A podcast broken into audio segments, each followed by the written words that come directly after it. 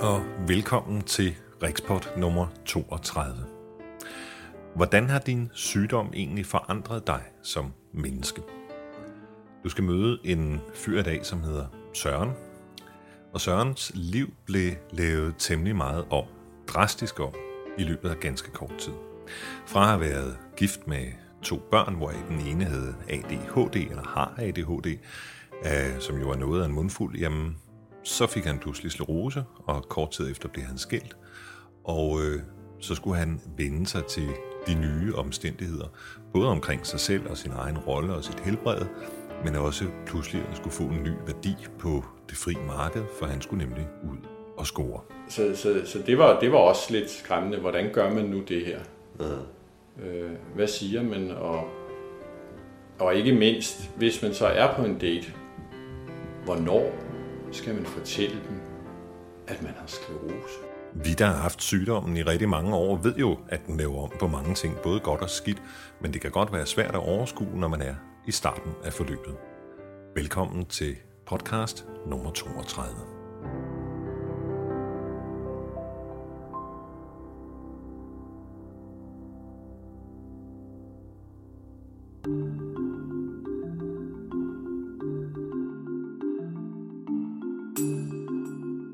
fik den her sygdom, der kan jeg huske, at jeg lovede mig selv én ting. Og det var, at fra nu af, der gad jeg ikke lave noget, hvis ikke det var sjovt. Og så begyndte jeg i øvrigt at tjene penge. Men det er en helt anden historie. Det, som jeg ikke gjorde, det var, øh, og det er nok meget naturligt, jeg satte mig ikke ned og, øh, og sagde, hvad skal den her sygdom betyde for mig? Hvad er det, jeg skal lave om i mit liv? Og øh, hvordan ændrer det her mig på den lange bane? Fordi det kunne jeg jo af gode grunde ikke. Man ved ikke, hvad fremtiden øh, bringer. Og øh, det, det er meget, meget svært at sige, hvordan vil den her sygdom lige ændre mig som person. Men prøv en gang at forestille dig det her billede. Du finder en gammel dagbog, måske den er 10 år gammel, fra før du havde fået sygdommen, og så sætter du dig ned og læser den, og så siger du, hvor er det, jeg har ændret mig, og hvad er det, skyldes måske sygdommen, og hvor er det, jeg er blevet bedre, og øh, måske du opdager, hvad det er for nogle ting, som øh, du er blevet værre til, altså dårligere til en negativ side, eller hvad, og måske du kunne ændre på de ting. Se, det er jo et lille eksperiment, som jeg i hvert fald har gjort mig op i hovedet. Altså øh, sådan et reality check, ikke? At se, hvad, hvad har den her sygdom egentlig betydet? Fordi det er klart, at den har betydet nogle negative ting i mit liv, men den har også betydet nogle positive ting. Og det glemmer jeg måske at anerkende, og måske glemmer jeg de positive ting sådan i hverdagen, fordi jeg måler mig selv stadigvæk med, med gamle, raske øjne. Se, det er lidt interessant det her, hvis nu for eksempel, at man skal ud og score. Fordi hvad er det, man har at byde på? Og hvad er det for nogle forandringer, som træder ind i livet helt automatisk, når man får en sygdom, som faktisk er med til at gøre en til et bedre menneske? Det er i hvert fald, hvad Søren påstår, han er blevet.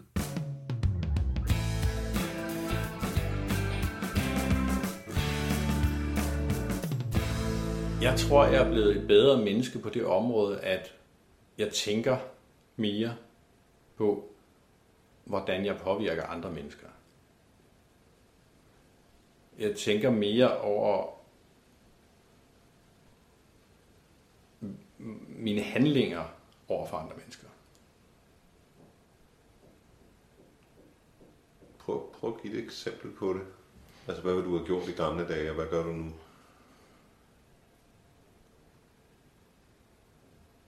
Ja, eksempler. Ja, fordi det er meget Ja. nemt at komme og sige det. Jamen, det er meget nemt at komme og sige det, men, men det, er jo, det er jo en... en- Det er jo en følelse. Jeg ved ikke, om man kan sige, det er en følelse. Måske. Altså,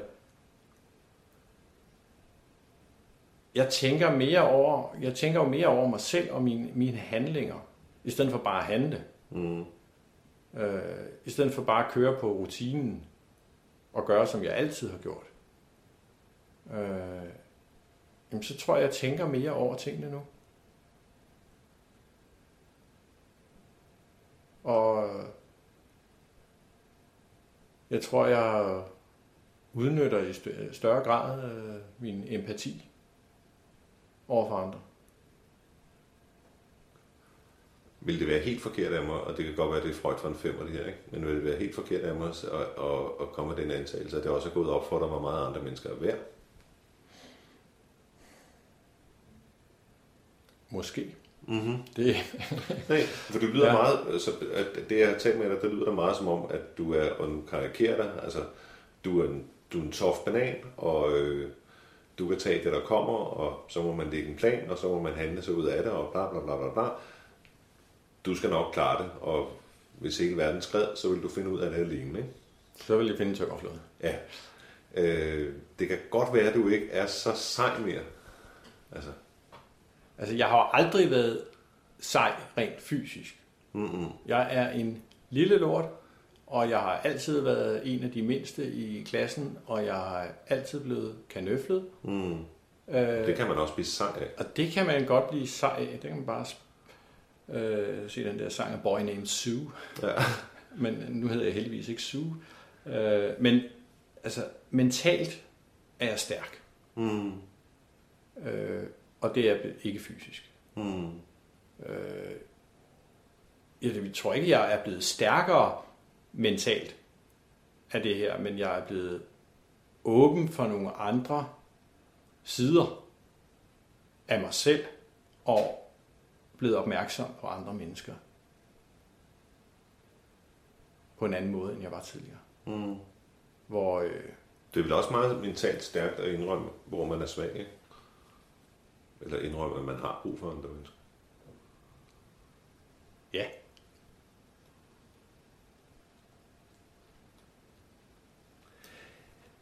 Du siger, at øh, det kognitiv vil du helst ikke tale om. Men der er der i hvert fald, altså, der er sklerosetrætheden. Og den kender vi, det er den der med at være udmattet, ikke? Og måske vågne og være udmattet, og blive hurtigt udmattet, eller, eller hvad nu.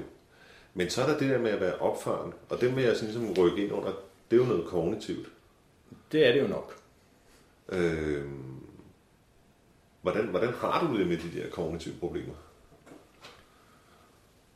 Jamen, altså... øh, Det er jo den side af, din, af sklerosen, som jeg ikke ønsker skal opstå. Altså, jamen, ryger jeg en kørestol, jamen så ryger jeg en kørestol. Altså, so be it. Ja, og så ligger du Øh, og, og, ja, og, og så kan vi gå ned og pimp my ride, og, og så lige en 12 hestes øh, et eller andet på, og så kører vi. Øh, så kan jeg stadigvæk arbejde. Mm. De kognitive problemer i form af at øh, svigtende hukommelse eller øh, øh, ens logiske sans lige pludselig ikke kan, eller man ikke kan løse de mest simple opgaver, som man tidligere har lavet øh, uden problemer. Øh, jamen, dem, jamen, jeg ved ikke i hvilket omfang jeg har dem, og, og hvis jeg har dem, jamen, så vil jeg benægte, at de er der, fordi så kan jeg jo ikke arbejde. Og hvis jeg ikke kan arbejde, jamen, så er jeg jo ikke mig. Mm. Det, altså, det betyder, mit arbejde betyder rigtig meget for mig. Øh, og det betyder meget for mig, at jeg kan være med til at gøre en forskel. Mm. Og så er det næsten ligegyldigt inden for hvilket område det er. Men, men de kognitive problemer, jamen, de er skræmmende. Rigtig skræmmende. Altså, Der er to ting i det her, jeg får lyst til at spørge dig om. Den ene, den er, hvis du ikke kan arbejde, så er du ikke dig. Ser du også andre mennesker på den måde? nej. det gør jeg faktisk ikke. Nej, hvorfor ser du så sig selv på den måde? Det, det, det lyder som en reduktion i mit... I Jamen, det, det er jo, det er jo min, min identitet. Altså, sig mig dit arbejde, og jeg skal sige dig, hvem du er. Er det ikke meget overfladisk? Nej. Nej. Jamen, altså, hvis, hvis du jeg, start, jeg, startede, jeg startede med at læse til sygeplejerske, Mm. og der hoppede jeg fra, og så valgte jeg at gøre min hobby, nemlig IT, til min levevej. Mm. Øh, og du har tidligere i dag kaldt mig nørd, øh, hvad jeg som sagt betragter som en æresbetegnelse. Det var også ment Og- som en Og, og jeg er en nørd, Mm. øh, og jeg elsker at nørde med computer og, og dimser og dingenoter og alt muligt. Mm.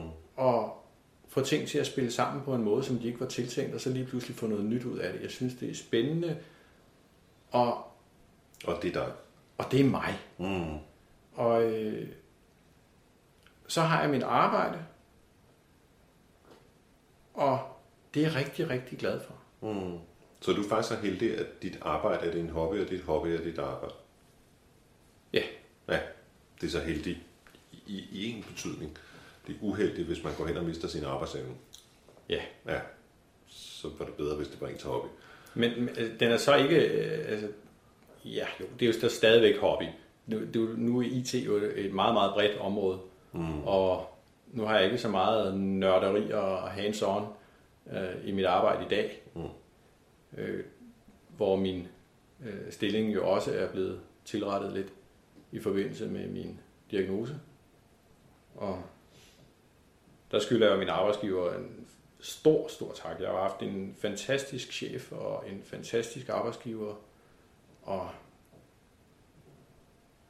og jeg, synes, jeg, jeg synes, jeg skylder min arbejdsgiver rigtig, rigtig meget. Mm. Og jamen, hvis ikke jeg kan arbejde, jamen, så kan jeg jo heller ikke betale det tilbage. Mm. Men, Så- men, det er ikke, men, det er ikke, men det er ikke, det er ikke kun et spørgsmål om, at jeg skylder dem, og det skal betales tilbage. Det er også, det er mig. Mm. Det er mig. Der, der er bare en ting, jeg ikke rigtig forstår, og nu, nu altså jeg får jo altid lyst til at bore noget, når folk ikke vil tale om det, ikke? så nu, nu bruger jeg lige det. Øhm, altså, hvis der skete noget med din krop, hvis pludselig din, din fod eller arm eller benene begyndte at opføre sig underligt, så vil du få undersøgt det med det samme. Du vil ikke være tilfreds, før du fandt ud af, hvad der var galt. Hvorfor gælder det samme ikke for din hjerne? Fordi så vidt jeg har forstået, jamen, så kan de ikke gøre noget ved det alligevel. Det...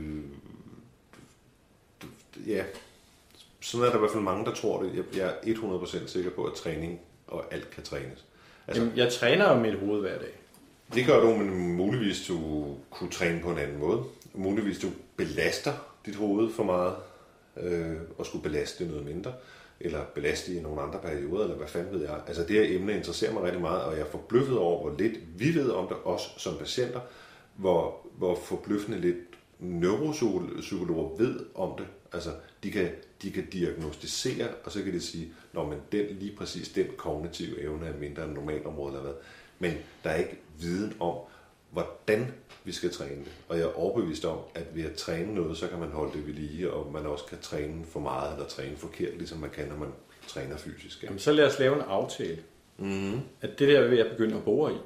Så tales vi ved om to år. Ja, det vil jeg meget, og jeg vil også meget gerne begynde at berøre det, fordi jeg tror saftsus med det kan systematiseres.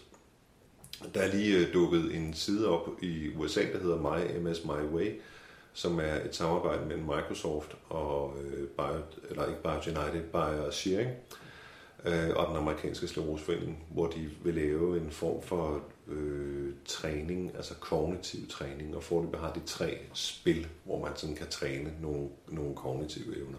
Tanken er at udbygge det noget mere. Øh, men det er sådan et skridt i den rigtige retning. Øh, jeg tror, med, med alt den teknologi, der er til stede i dag, der vil det være muligt at lave meget nem træning af de, af de kognitive færdigheder, hvor man hele tiden kan måle og se, hvordan man udvikler sig, hvordan man går frem og hvordan man går tilbage. Og også få at vide, hvordan man skulle træne rigtigt. Og jeg har det på samme måde som dig. Det er også noget, jeg skubber i baggrunden, og så siger, om det betaler ikke noget at, at tænke på det. Eller nu har jeg fået bank tre gange i Trivial Pursuit, det plejer jeg ikke at få. Nej, så, så har jeg nok ikke lyst til at spille det mere. Eller hvad nu? Altså, det er fandme et kildende område. Og, og det er også min identitet, det berører. Jeg, mm. jeg vil ikke føle det nær så meget, som, og det kan godt nu, er der ingen af os, der sidder i kørestol, så ingen af os kan forestille os, hvordan det vil være. Men alligevel, hvis jeg skal lave billedet, mig en kørestol, okay, nederen, men det kan jeg godt finde ud af. Mm. Altså, Ja, 100 procent. men den anden, den, den gør ondt. Ikke? Ja. Fordi vi, vi definerer os selv som mænd i, hvad vi kan, og hvad, hvad, hvad, hvad vi ved. Ikke? I hvert fald definerer vi andre mænd ud for det. Så det skulle nok ikke være så underligt, hvis vi også definerede os selv på den måde. Der tror jeg, at kvinder gør det anderledes. Jamen, nu har mænd jo aldrig forstået kvinder, så lad os lade være med at prøve at gætte om det. Hvordan ser du på... øh, Nu, nu er du jo... Nu er du, ja, nu er du ude på det frie marked igen, jo. Nej, det er jeg så ikke mere. Er du ikke det? Nej. Mm. Det, men det har jeg været. Mm. Og det var jo, det var jo en, lidt af en, en, en oplevelse. Og lige pludselig stå der og, og skulle ud og score, da jeg nu fik lyst til det. Jamen, hvordan gør man? Altså, når jeg har i forvejen aldrig nogensinde været en helt stor scorekæl, og så, så, så det, var, det var også lidt skræmmende. Hvordan gør man nu det her? Øh, hvad siger man? Og, og ikke mindst, hvis man så er på en date, hvornår skal man fortælle dem, at man har sklerose? Ja. Nu har du prøvet med Otello-lavkagen, og så... Øh, Ja, den, den, den, den tror jeg så ikke lige på på en date. Altså, det, det. så skal man lige finde ud af, hvor, det, hvor hendes søde tand er. Og du får maver til det, okay. Nej, øh, der var jeg jo meget altså, i, i tvivl i starten, og jeg var også det, jamen, kan det overhovedet lade sig gøre, og er jeg overhovedet en mand mere, ikke? Altså, øh, det, er, Det er du jo nok, men er du attraktiv? Jamen, det var jo så også et stort spørgsmål. Fordi nu var min, min stylist, hun var jo så øh, hun var flyttet. Mm. Øh, men øh, heldigvis så ville hun stadigvæk godt hjælpe mig med det. Så, Uha. så øh, jeg, havde, jeg, havde, jeg havde oprettet mig på øh, en datingside, og så skulle jeg jo på en, en date. Og det var jeg så, så skulle vi mødes en gang til, og det var, der mødtes vi så også. Så skulle vi mødes for tredje gang, men nu havde jeg haft de samme par bukser på øh, de første to gange, og øh, det kan man jo ikke. Man kan ikke komme i det samme par bukser tre gange i træk, fordi så, så, så det går ikke. Så der måtte jeg lige have fat i ekskonen og sige, hjælp! Og så fes vi ned på Rostorv, og så fik hun lov til at, at, at dresse mig op til en date, og så... Men altså, det var meget, meget venligt af hende, og jeg vil helt sikkert benytte mig af det en anden gang også. Men øh, hun var ikke helt sød, fordi det var bestemt ikke de billigste ting, hun valgte. så det fik jeg lov til at betale for. Men sådan var det. Men øh, Må jeg lige, må jeg lige, altså, når jeg siger attraktiv, så mener jeg altså ikke bare, hvordan man ser ud. Attraktiv er også noget med, hvad man har at byde på jo, jo, jo, men nu skal man lige have fanget fisken først, ikke? Jo, men, men, men jeg vil, altså, det er sjovt. Hvis jeg går ind og kigger på mit site, og ser, hvilke udsendelser er det, der vil aflyde mest, Mindst, mest, mest. mest, så er det faktisk den om den svære kærlighed. Øh, og når jeg er rundt omkring og snakker med sklerosepatienter, øh, så er det sgu også noget af det, som, og det, de fleste af dem er jo kvinder, øh, så er det faktisk også noget af det, som de beskriver, at de, at de har problemer med, eller de største problemer med. Altså, de forestiller sig ikke, at de kan gå ud og score, hvem fanden vil have en, en kvinde med sklerose, ikke? Eller hvem vil have en mand med sklerose, skal jeg så spørge. Jamen, og det var jo præcis også de tanker, jeg havde i første omgang. Mm. Og, og der er spørgsmålet, jamen, hvornår skal man sige det, og skal man overhovedet sige det, og hvordan og hvorledes. Så inde i, i tappehallen inde på Rigshospitalet, hvor der sad et par Og tappehallen altså det infusionsrummet, område på infusioner. Ja. øh, hvor jeg så spurgte et par af pigerne, der sad derinde, om hvornår og hvordan og hvorledes. Og så fik jeg det råd fra dem, at jamen, det skal bare komme som en henkastet bemærkning på et eller andet tidspunkt i løbet af samtalen, der er lavet, der er blevet lavet med sklerose og så videre. Og, og så ikke mere om det. Og hvis de så har lyst til at spørge nærmere ind, jamen så gør de det. Mm. Og hvis ikke, jamen så kan det være, fordi de er blevet dybt vildt skræmte, eller også kan det være, fordi det ikke betyder så meget for dem. Hvordan tror du, din nye kæreste har det med det? Eller er I overhovedet kærester i noget? så Vi, jamen, Ja. vi, er, vi er kærester, og, og det er jo dejligt. Mm. Jamen, hun blev jo hun blev skræmt første gang. Og, og, og tænkte jo også, øh, hvad fanden er det her for noget, og, og hvad er han for en, og, og tør jeg nu det? Øh, og så til alle andre med sklerose vil jeg bare lige sige, at hvis I er på en dating site, sørg for guds skyld for, at jeres højde er angivet korrekt. Bare en lille bemærkning, fordi, og lad være med at stå på den højde, der står i jeres pas. Den passer ikke. Jeg havde skrevet, øh, i det ene pas stod der 1,73, og i det andet stod der 1,75, så jeg havde skrevet, at min højde var 1,74. Mm. Og øh, min kæreste, da hun kom første gang på besøg, jamen, så stod, åbnede jeg døren der, og så kiggede jeg ellers op og sagde hej. Fordi hun var 1,74, men det er jeg bestemt ikke. Jeg er, er nok nærmere 1,71. Og øh, jeg stod der i bare fødder, og hun stod med hæl på, så der var jo lidt forskel der. Så ikke nok med, at jeg var en lille lort, jamen så havde jeg også sklerose. Mm. Så det var ikke just verdens bedste kort. Og ydermere så er hun øh, sygeplejerske og har oplevet øh, sklerosepatienter, som og når hun som sygeplejerske oplever dem, jamen, så er det jo fordi, de ikke kan en skid, Mm. og, og sidder i kørestol og skal have hjælp, og det ene og det andet og det tredje. Så hun havde jo det sædvanlige skræmmebillede af en sklerosepatient, Jo, og hvor galt det kan gå. og hvor galt det kan gå. Og det, Plus også, at hun må have det billede af, at du har været heldig. det har hun så nok efterfølgende, men det tror jeg ikke lige, hun tænkte på i første omgang. Nej. Øh, det var nok mere sådan fremtidsudsigterne. Mm. Men øh, vi faldt godt, øh, fandt ud af det, og det var rigtig, rigtig hyggeligt, og vi havde noget rigtig, rigtig dejlig sex. Og så kunne jeg i hvert fald få lov til at føle mig som en mand. Og det var dejligt. og, øh, og den har der selvfølgelig ligget og luret, men vi har talt om det, og, og ja, vi er kærester, men, men det er jo ikke ens betydende med, at hvis, øh, hvad der selvfølgelig ikke kommer til at ske, men nu rent hypotetisk, hvis jeg nu skulle øh, ende i en kørestol, eller få et ordentligt hårdt attack, eller et eller andet, jamen, ja, hun er sygeplejerske, men hun er ikke min sygeplejerske. Nå. Hun er min kæreste. Mm. Øh, og, og sådan er det. Så vi, vi tager en dag ad gangen, lige så vel som jeg ikke...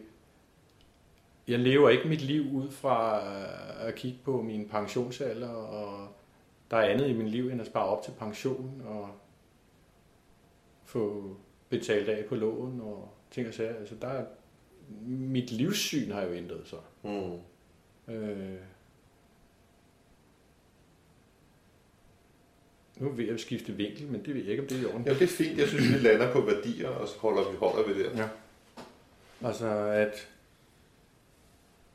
jamen, tidligere, jamen, der, der havde jeg jo fokus på, at, at jamen, når man lavede nogle økonomiske dispensationer, dis, ikke dispensationer, dis, ja, nu røvler jeg, Dispositioner. dispositioner, jamen så øh, skulle man jo ikke, øh, og der skulle ikke være noget overforbrug, og man skulle hele tiden sørge for, at, at øh, pengene passede, og ikke etablere gæld, unødig gæld, og der skulle være til, man gik på pension, så der blev indbetalt rigeligt der, og, og i dag, jamen, det kigger jeg jo ikke på.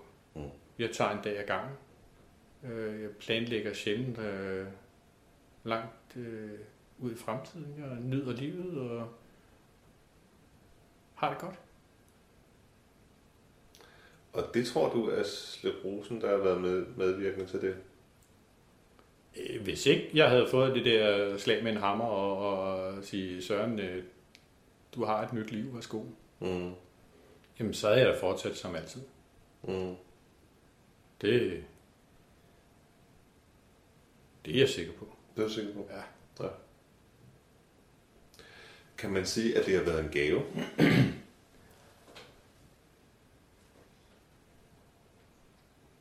Ja, det kan man jo, om man så er enig.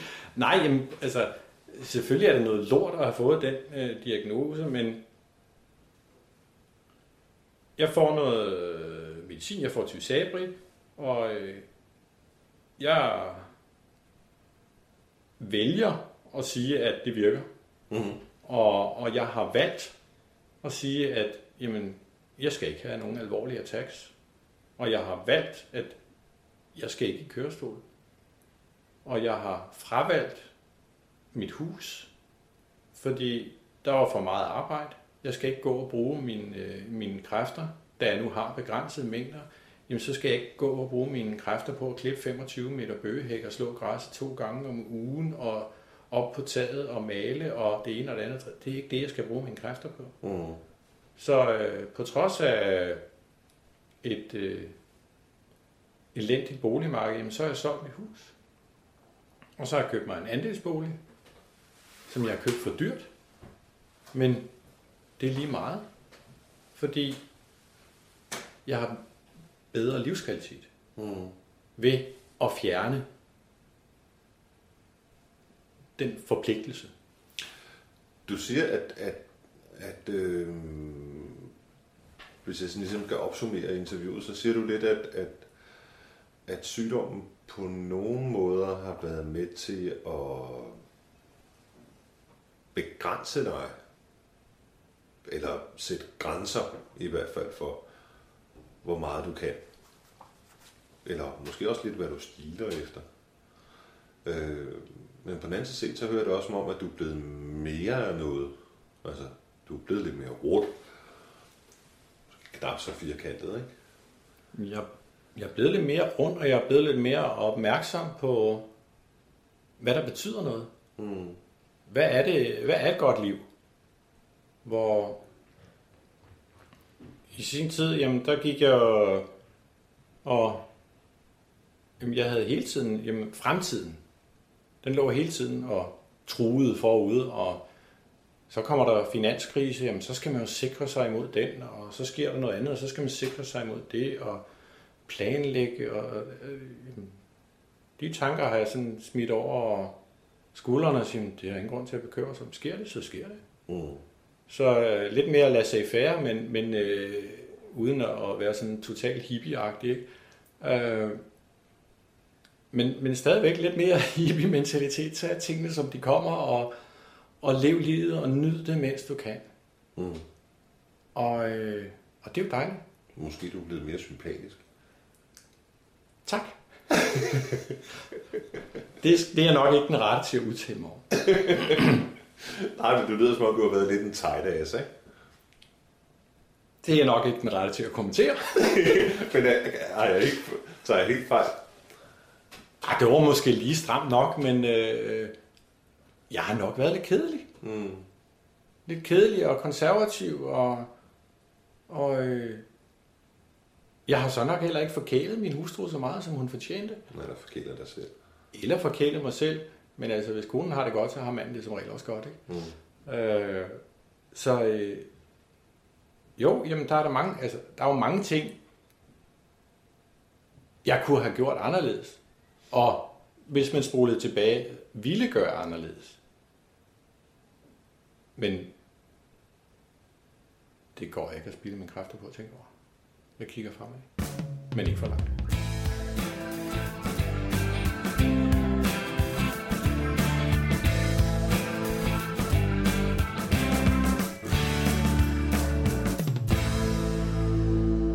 Kom så ikke at sige, at vi mænd ikke kan snakke om følelser. Vi gør det bare på en anden måde.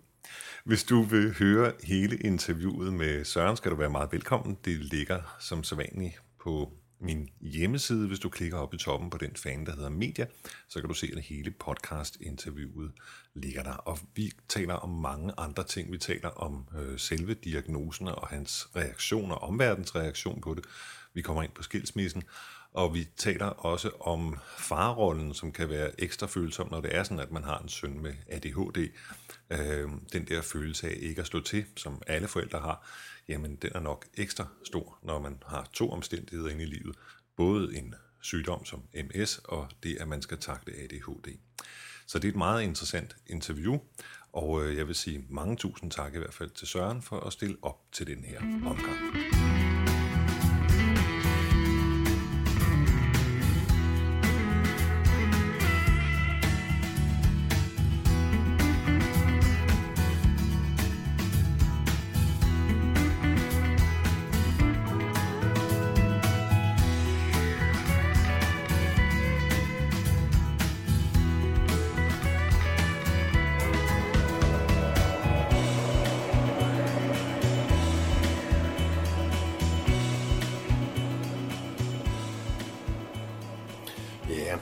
Burde nok ikke drikke kaffe så sent.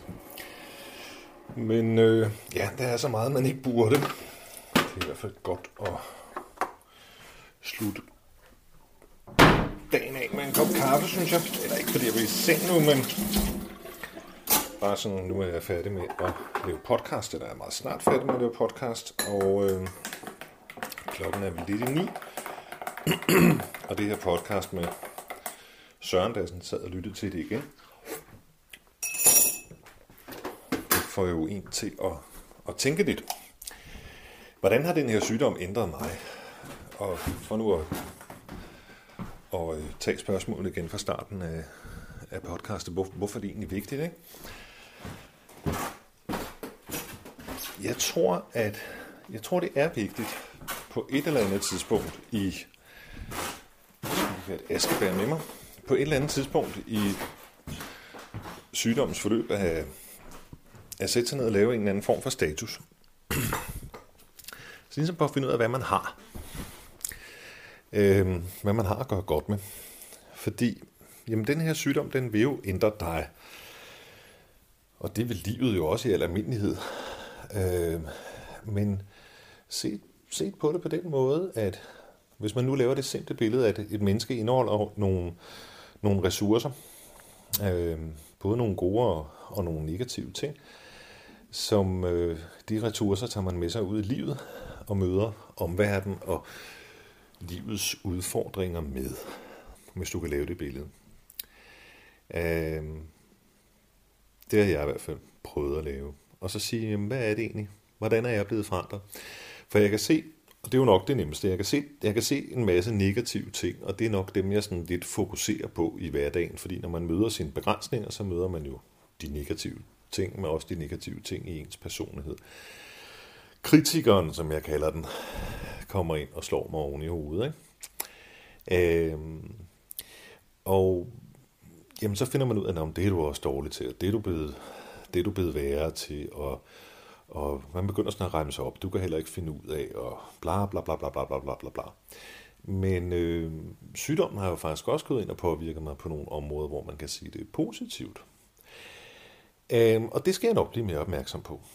Altså jeg kan mærke, en, jeg kan mærke en hel masse ting, der ændrer sig inden i mig, og det vil jeg nok sige er i en mere positiv retning.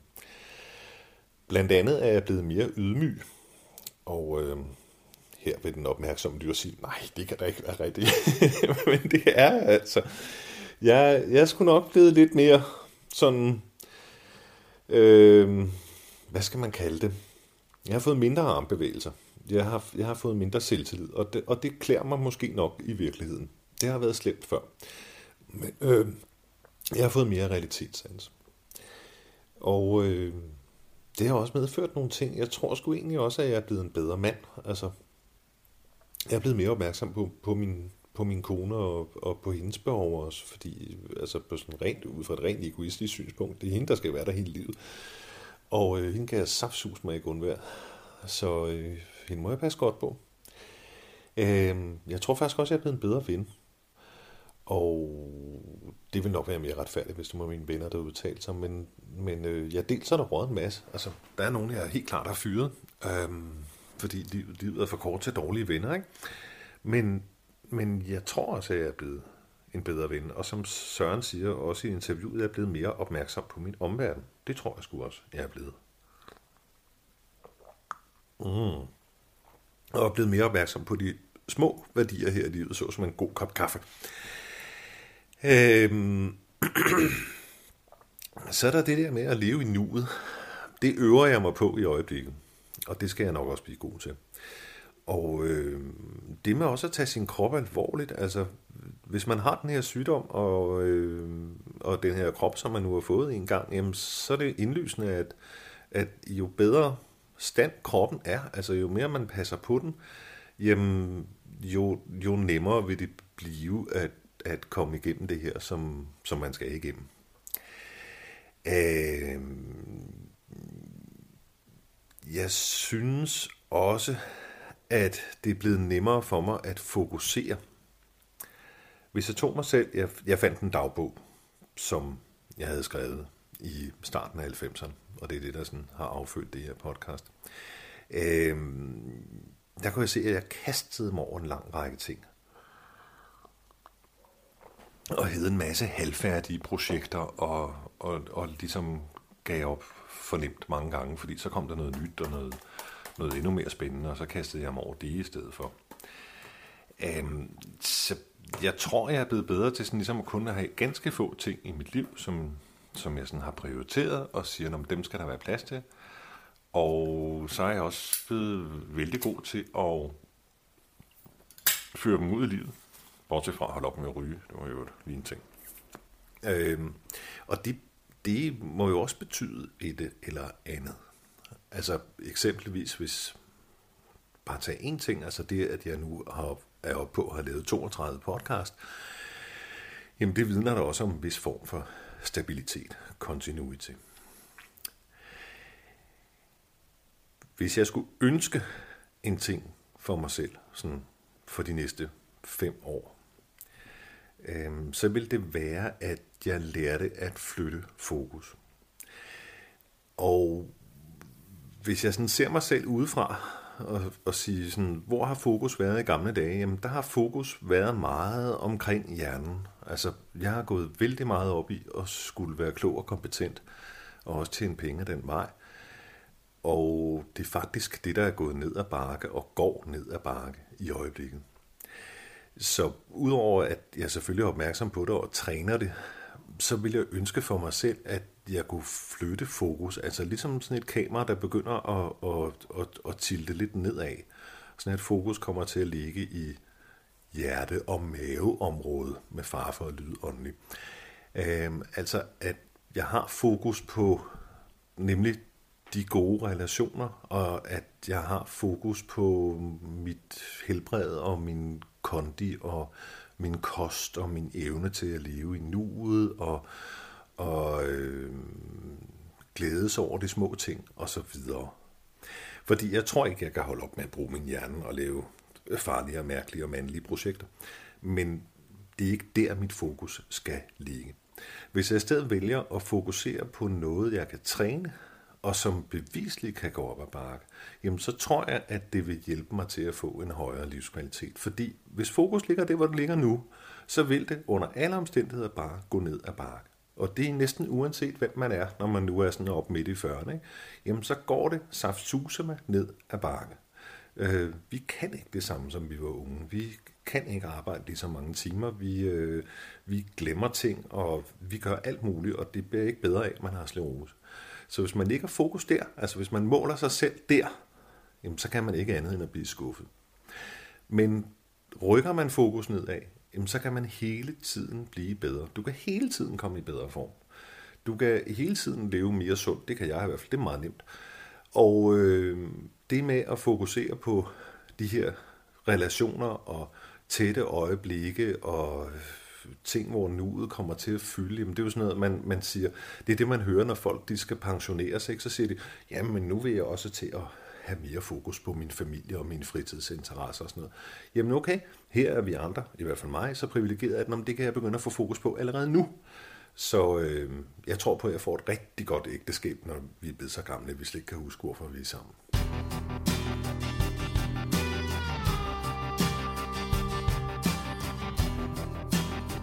Og her forlader vi så den små filosoferende gamle idiot i sofaen. Han blev ved meget længe, men det har jeg sparet jer for. Podcast nummer 32 er ved at være forbi. Podcast nummer 33 bliver med huslæge og forsker Bjørn Sperling. Det har været planlagt meget længe, men så blev han syg, og så blev jeg syg, og så blev han syg. Men den her gang håber vi begge to på, at det bliver til noget. Og men ikke andet beviser det bare, at læger også kan blive syge. At det er ikke lidt fedt. Um, men vi lyttes ved næste gang, og jeg lover jer, at det bliver godt. Pas på jer selv, så længe vi lyttes ved.